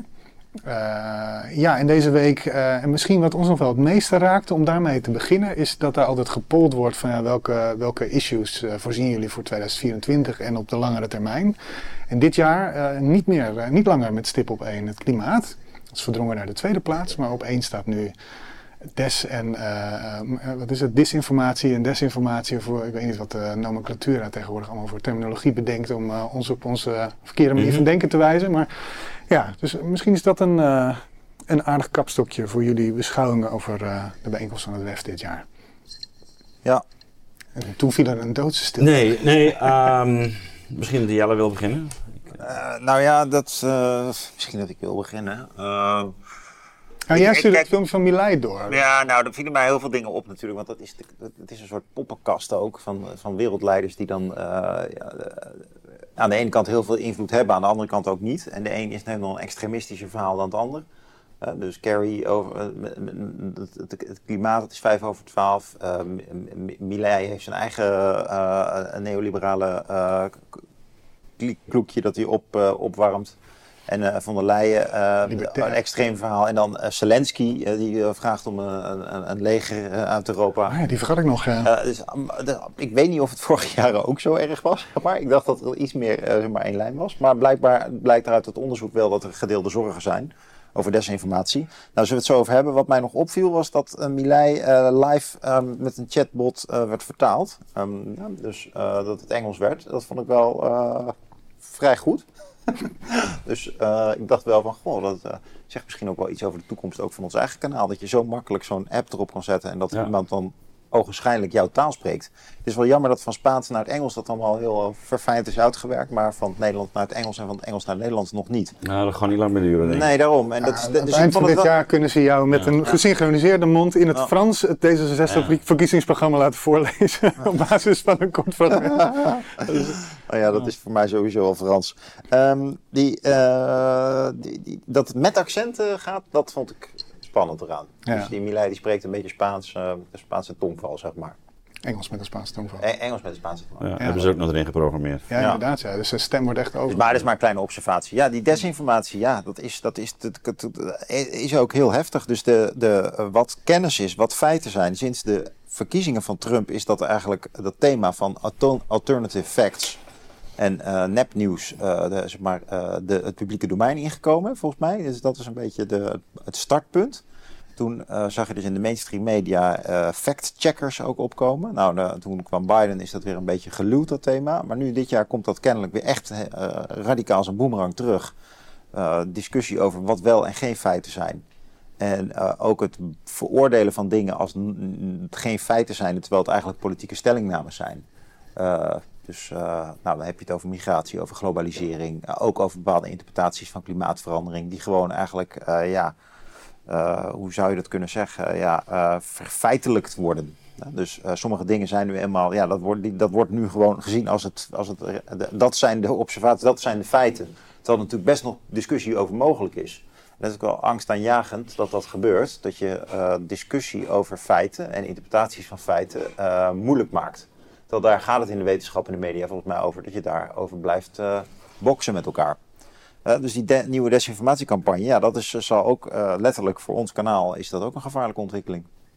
Dus, dus, de- je ziet ook dat eh, X onder druk staat nu. Ehm, Elon Musk er ook eh, bang over is. Dat heeft eh, ook te maken met die, eh, die, die eh, Digital Services Act. ja, of wat in Ierland dan, die Digital Services Act, Bill. Nou ja, in ieder geval. Hate speech. Nee, ja, je, hebt, je hebt twee dingen. Ik dacht dat je de Europese wetgeving die dit jaar, eh, of eigenlijk augustus vorig jaar eh, in kracht getreden is. Dat gaat ook over, over, over techbedrijven. Inderdaad, deze week eh, was er weer in het nieuws dat die, dat die hate speech act in Ierland nu inderdaad, in, ik geloof in de, in de House. Ja, dus het hangt in de lucht dat toch de, de, de, de kwestie van censuur hangt in de, in de, in de lucht. Censuur. En wa- wat, wat, ja, wat is censuur? Dat je, ja, dus je eigenlijk gaat verbieden dat mensen via humor.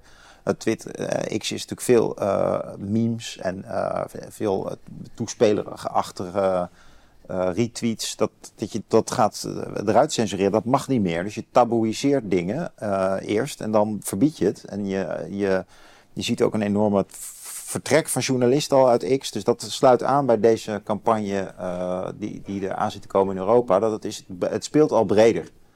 Wat, wat er speelt is namelijk van, nou, we gaan nu schoon schip maken. Dit zijn de feiten, dat zijn de interpretaties en dit is fout. En ja, dat is, dat is eng. Dat is een enge ontwikkeling. Hm. Dat is een enge ontwikkeling. Nou, mooi dat je het wat breder inderdaad trekt van wat ze in Davos bespreken. Naar al die wetgeving die overal oproept. En, en inderdaad de reactie op Trump en dat dat ook heel politiek gekleurd is. Ja, mooi. Heb jij er wat aan toe te voegen? Of te, ja, nou ja, Jelle had het al over uh, toch de, de, de, de, vreemde ervaring hè, bij het uh, bekijken van die uh, fragmenten. En dat had ik ook. En um, een soort gebrek aan, aan wederom realiteitszin. En ook als je de, speech van Van der Leyen bijvoorbeeld leest, uh, dan noemt ze allerlei zaken op die, die vrij voor de hand liggen, van variërend van um, inderdaad de, de, problematiek rond informatie tot en met de oorlog in de Oekraïne en de, de energietransitie. En eigenlijk allemaal zo van hoe goed het gaat. Terwijl je zou zeggen, nee, we zitten mondiaal in een hele zware crisis. Een aantal landen, hele belangrijke spelers, zijn hier niet aanwezig. Uh, mijden dit uh, forum of uh, nodigen we niet meer uit. we zien dat er mondiaal eigenlijk een steeds groter wordende kritiek op het WEF zelf is, is ontstaan. wat aanvankelijk twintig jaar misschien bij de antiglobalisten of zo, maar wat we nu zien uh, in verkiezingsuitslagen is eigenlijk een, uh, of in Nederland of wat er in Duitsland gebeurt, of wat er dat daar dit, een deel van onze, een belangrijk deel van onze, onze agenda eigenlijk onder vuur ligt. dat waar het gaat bijvoorbeeld om wanneer zij die Oekraïne inbrengt, dat India, China, Rusland allemaal op een andere lijn zitten. Eh, kortom, dat, dat, uh, en, en dat dus een, een aanzienlijk deel van de, de, eigen bevolking eigenlijk geen vertrouwen meer heeft in deze koers.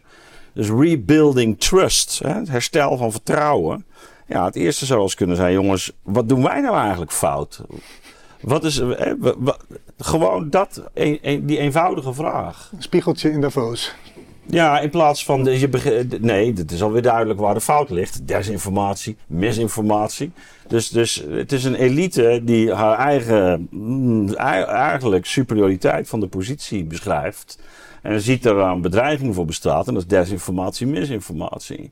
En het herstel van vertrouwen kan onder andere wanneer we bijvoorbeeld meer censuur gaan uh, uitoefenen. Ja. Of die sociale media onder controle krijgen. En dan zijn we ja. de eerste stappen. Dus de, de, hele vraag van, goh, hoe, hoe zou het nou komen dat, een, dat mensen daar zo vatbaar voor, voor worden? Hmm. Um, hoe zou het komen dat, dat er een weerzin bestaat ten aanzien van een deel van onze agenda? De, dat, eigenlijk dat elementaire gegeven van die groeiende weerzin ten aanzien van die globale agenda. Uh, waar komt dat vandaan? En waar hangt dat mee, mee samen? En dat ontbreekt volledig. Wat me ook opvalt is dat uh, zeg maar, ze positioneren zichzelf als een soort institutioneel, als een instituut. Hmm. Dus uh, je kan wel zeggen dat er op YouTube veel kritiek is op de WEF, maar het valt ook echt op hoe de WEF zelf dus allemaal filmpjes uitzendt. Dus in Davos, het, is helemaal, het lijkt helemaal open. Er zijn ook allemaal georganiseerde, georganiseerde schijntegenspraakmomenten. Dat zo'n Milei uitgenodigd is. ook eigenlijk raar, weet je wel. Ja. Iedereen kotst op hem, dus waarom doet hij hier? Maar dat is dan een soort van de clown die ook mag spreken. En hij is wel voor Oekraïne, dus nou laat hem dan maar komen. Dus... Uh, maar en dat wordt allemaal opgenomen. Repressieve tolerantie, hè? Om ja, Marcuse te spreken. Maar, ja, ja. maar heel. Uh, dus. Uh, de, het is raar dat. Um, ze, ze hebben dus niet door dat. Kijk, mensen zijn bang dat ze te veel macht hebben in de wereld. Ik denk dat erg mee. Het is een soort meningscircuit. Um, er zit het, ik denk dat er veel schaduwmachten zijn, maar het is de vraag of ze samenkomen in Davos. Maar gek genoeg Uh, dat is wel de kritiek op Davos. En wat doet de organisatie? Die gaat er eigenlijk helemaal mee in mee. Dus die gaat zich presenteren als een enorm belangrijk evenement waar wereldleiders belangrijke beslissingen nemen. Maar wat, wat vond jij dat is van... enorm stom, toch? Waarom doen ze dat? Wat vond jij ervan dat die het van der Leyen dan Het zegt begin van... van een eigen einde. Het gaat niet om, om de connectie tussen staten, hè, als je het hierover hebt. Ze zegt nee, we, we hebben juist samenwerking nodig tussen, eh, tussen bedrijven. Want, Ja. daar, hè, want dat is, het is allemaal al globaal. En er komt het democratie. dus zij zegt, Ja, ja, dus, ja, maar dit is een heel belangrijke toevoeging. hè, want- bizar, eh, maar helemaal het verlengde van wat jij zegt. Hè, over dat je, zegt, eh, we moeten het niet hebben over countries, maar we moeten het hebben over governments and businesses. En eh, and together with- and democracies. Eh, dat is eigenlijk de, de- het, het verhaal. En eh, de, ja, je zou kunnen zeggen, ja, wat we de, de afgelopen jaren hebben gezien, is in toenemende mate ook gewoon eh, de, het, het, het problematisch worden van eh, geen heldere rollenverdeling meer. Van, eh, dus dat, dat juist overheden en bedrijven eh, in, te vermengd aan het raken zijn. De problemen waar een deel van het publiek zich natuurlijk ook, ook tegenkeert. En die, die, die, en tegen die- Europa. ah, tegen, tegen Namens die wie zij spreekt. Dat is het bizarre. En ook wat je Dus- zegt, geen spiegel. Of, hè, Dus, dus, dus die, die, die systeemvraag, die komt helemaal niet op. En dat, dat vind ik echt heel fascinerend. Dus Het is juist omgekeerd. Dus dat zij zitten in een soort systeem wat eigenlijk een soort gedepolitiseerde macht Ja, waar ze in absoluut. zitten. En in plaats van dat ze dus een toontje lager zingen, gaan ze een toontje hoger zingen. ja. ja, maar dat Dan geeft... gaan ze eigenlijk zeggen van ja, wij hebben die macht ook. En ja, dat is... het Nou heet ja, ook het in- World in- Economic Forum. Hè? Dus ja, het maar het heeft is ook in de binnen, binnen die geschiedenis... bij- netwerkstructuren is dat natuurlijk ook wel zo. Ja. Dat, is, dat is natuurlijk zo. Dat is, Ja, ik was en net het- misschien eigenlijk een beetje te, Ja. te zacht over die invloed. Ze zullen wel degelijk grote ja, invloed absoluut. hebben. absoluut. Dat, het, het Maar niet door wetgeving, maar door, door allemaal die, die, die Ja, netwerken. maar een ander aspect, en daar raakt hij op een bepaalde manier aan, maar benieuwd wat jij ervan vindt, is dat, eh, de- dat speech over grote thema's. Dus dat zij dat grote willen agenderen en de toekomst en heel gevoelloos voor wat er lokaal speelt Ja. en het, gro Ja. het grote willen benoemen. Ik, ik snap niet waarom ze denken dat dat nog aanslaat. Dat, eh, dat werkt mij heel vervreemdend. Hm. Dat zij een soort van... De hele tijd dus dit voortdurende stip aan de horizon moet allemaal anders. Het is allemaal op een bepaalde manier. eh, eh, Maar ik vinden denk- het zelf heel ik- humanistisch. Maar het, het, dus jij zei realiteitszin namelijk. Maar het, het, het is een soort speech-circuit. Ja, maar ja, dat dacht En dat- het precies. heeft, het ja. is substantieloos. Ja, maar dat, globalistisch. dat bedoel ik. Dat bedoel ik. Ja, dus, dat- dus, en ik denk dat ze op een bepaalde manier ook zelfs dat Oekraïne dus ook gebruiken om een soort van eh, toch, toch eh, eh, gemeenschappelijke vijand eh, eh, te hebben in Rusland. En, Ja, Rusland faalt aan alle kanten Ja. volgens Van der Leyen. Ja. Die falen economisch, militair, eh, politiek. ja, het is, het is, Het is, eh, het nee. is, het is, eh, nee, maar dat bedoel ik. Hè. Dus dat getuigt ook van weinig eh, geopolitieke oriëntatie. Als je ziet eh, hoe, Het toch ook voor Van der Leyen niet uit de lucht komen vallen dat Zelensky oproept tot, zo'n, eh, tot hulp van een Europees leger. Dat is allemaal gewoon een bokstoofd. Eh, En zij is wel de meest invloedrijke vrouw ter wereld, kennelijk. Hè? Was ze toe, eh, toe uitgeroepen. Mm. Korte observatie trouwens, even aanvullend op. eh, ja. Aanvullend die, die, eh, eh, die problematiek van die, van die mis- en desinformatie. Kijk, door die nieuwe technologie, generative Ja. AI, zoals Van der Leyen het eh, even noemde. Generative AI, dus die, die, die, ja, die maakt inderdaad. echt hoor, dit zegt hij echt. Dit hebben we niet door AI laten doen. eh, eh, doe nog even. Doe, ook Klaus Schwab nadoen? Ja, Generated. Nee, maar die, eh, ik weet niet, ze sprak het heel gek uit. Maar die, dat, dat is natuurlijk wel, hè, wat is nog echt? En, en, wanneer weten we of iets gegenereerd is of dat het een originele video is? Dus op zich liggen die feiten en ook de mogelijkheid om door middel van programma's en heel Ja. toegespitst op een bepade psychologie die je dan weer uit data haalt. ja weet je, weet je Ja, daar ligt wel degelijk een heel interessant vraagstuk rond die Absoluut. ontwikkeling. Absoluut. Maar wat, wat, wat het eens te meer duidelijk maakt, is dat zeg maar, lo- lokale eh, vertrouwdheid heel belangrijk is. Kijk, ik, als, ik, als ik Jelle als een, bu- een buitenstaander in Amerika bekijk en er wordt er gekke dingen met hem gedaan, dan, dan weet iedereen van, nou, of dan weet niemand, dit, dit is kletskoek Hmm. in, in Amerika. Eh, maar dat weten ze wel wanneer we hem hier eh, een pleidooi voor D66 horen afsteken aan tafel. Dat is omdat je hem volgt, omdat hij in, in, in, in, in deze verbindingen zit. Dat kan meteen worden, worden weerlegd. Maar hoe meer je uit die contexten komt, dus die, die dislocatie die in die virtuele wereld plaatsvindt, hoe groter de kans op, op misvatting en verwarring. En, en je zou kunnen zeggen, eh, juist het, het oprukken van AI maakt de noodzaak van lokale eh, verworteling alleen maar groter. Want dat je weet van ongeveer wie je, met wie je te maken hebt, wat, wat, wat die zo doorgaans doet, zegt, hoe die leeft, hoe die. Nou, en, en hoe meer dat dus loskomt, hoe, hoe vreemder het, eh, eh, hoe vreemdere dingen je ermee kan doen. Ja, dus zij veroorzaken eigenlijk het probleem dat ze zelf als het grootste gevaar zien. Op die manier door, door, door die doorzettende ontworteling en globalisering. Ja, ja dat is. eh, Ik denk ook wel dat de ontwikkelingen van AI gewoon misbruikt worden om een eh, eh, culturele censuur door te zetten hoor. Dus dit, dit- is inderdaad een te- verre toekomstperspectief. En dat is ook heel reëel om het daarover te hebben. Maar Nee, ze gaan het ook misbruiken om eh, andere politieke opvattingen weg te filteren. Ze gaan de AFD gaan ze proberen te Dat is in ik. coronatijd al gebeurd. ja, maar dat, ja, maar, dat wordt, dat wordt, dat, maar dat wordt sowieso de spanning van het komende Ja. decennium. Ja. Dat is echt. eh, de, de, de- de- dat, en dat voel je dus ook. En, en, en, en dan komen we weer op die reden van die Ramaswamy. Dat is volgens mij die, die oorlog waar hij het over heeft.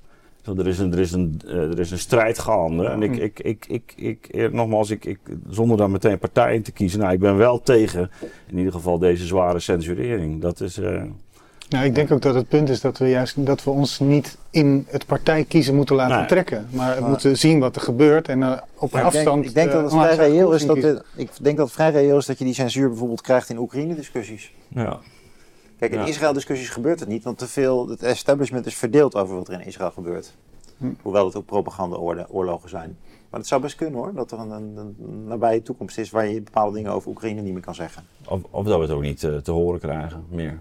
Wat, eh, wat er precies gebeurt. Ja. Nou, Ja. Daarom des te belangrijker, dames en heren, dat u, eh, als u eh, geïnteresseerd bent in dit soort analyses, even abonneert op ons kanaal. En Ja. dan weten wij u ook te vinden. Of abonneer u voor onze nieuwsbrief. Mochten wij ooit uit de lucht worden gehaald, dan laten wij u direct weten Of waar we wel te vinden zijn. Ja. En eh, een, een financiële bijdrage bij, via bijvoorbeeld Petje Af is natuurlijk altijd extra welkom. Want stel we moeten naar een ander platform of naar een andere locatie of iets. Het geeft ons een Ja. beetje, het zou wel lekker zijn om een heel klein buffertje ja, maar dat hebben we. hebben. We, we danken ook iedereen die ons steunen. Dus we, we, gaan, ook. we laten ons We, niet we wegjagen. zijn niet zomaar eh, uit de De, lucht. de, de threadwives eh, laten we zo. Ja, voor mij was ook het grootste nieuws dat jij, dat jij soort van verbaasd was over die trend. Ik had hem al best wel een tijd geleden. Ook, al Ja. kom je me overal Ik wil het tegen. toch even over de trendrive hebben. Nou, nee, Nee, ja, maar ik- dat, dat redden we niet meer. joh. Oh ja. Maar uitsmijten dan. ja. Nee, ja. Ja, Vroeger had je natuurlijk de geëmancipeerde vrouw, die, eh, de, de Madame Bovary, die, saai, die de man saai vond en eh, naar de stad wilde om cappuccino te drinken en een nieuwe vriend wilde ontmoeten. en, de, en, de, en de hedendaagse vrouw, ja, dat is geen Madame Bovary meer. Die denkt van, ik krijg een burn-out van mijn werk en mijn man is overbelast, ik wil gewoon lekker thuis taart bakken. En, eh, ja, Ja. ik snap het wel, ja. Er zijn ook mannen die zich zo gedragen. Ik ken ook een man die dat een tijd gedaan heeft. Dus wat, wat is het? Ja, eh, dat, carrière, Ja, dat, dat is- carrière maken, is dat uiteindelijk bevredigend? Nee, Zeker die- als je drie kinderen thuis hebt. En Ja. het antwoord is voor veel mensen die gewoon hoger opgeleid zijn, is toch eigenlijk nee. Nou, veel van die zogenaamde threadwife influencers, dus de traditionele vrouwen, eh, die, die, die zijn natuurlijk, dat is, dat is de paradox, die zijn natuurlijk keihard aan het werk om die sociale Ja, allemaal. ja, maar maar, het, resoneert, het resoneert wel. Dat het is, resoneert eh, niet voor niks. Het is een, uit, het is een uitvergroting van iets wat best sociologisch Maar, is. maar goed, kijk, de, de, de- de bredere vraagstuk daaronder is natuurlijk: eh, wat is de rol van werk, maatschappelijk, eh, cultureel, ook voor jezelf? Ja. En, en ik denk, ik, Hoe hebben we werk georganiseerd? ik bedoel dat, dat eh, hè, meer dan een derde van de mensen hun- zijn werk zinloos vindt. Nou ja. Eh, dat, de bullshit jobs. Ja, dat, dat is natuurlijk ook veelzeggend. En, En dan, dat- dan kun je beter inderdaad met taarten bakken, ja. Maar ehm, ik, ik zou toch de, de- wat dat betreft ook weer niet, niet terug willen naar de situatie. Zeker niet in de, in de moderne, getechnologiseerde wereld. Waarin, je, waarin vrouwen eh, het, het, het denken dat hun hele ontplooiing alleen maar kan liggen in taarten bakken. ja. Maar dat is Dat ook een lijkt, soort... me, dat, lijkt me, dat lijkt me ook niet eh, de juiste weg hoor. Maar goed. Eh, gezond. eh, Nee, ik- ik- het is we wel een beetje, geschiedsvervalsing. Ja, nee, Er is meer te dan een taart te bakken, maar dat... nee, nee, ja. nee, nee, tuurlijk. Ik tuurlijk. gooi, ik, gooi dit thema, eh, Ja, ik gooi dit thema er nog wel een keer in Ja. als we er iets dieper op in Ja, kunnen ja, gaan. Eh, voor allebei erg bedankt weer voor de, voor de mooie analyses. Ja. U allen bedankt voor het kijken en eh, als altijd wensen wij u een hele fijne zondag.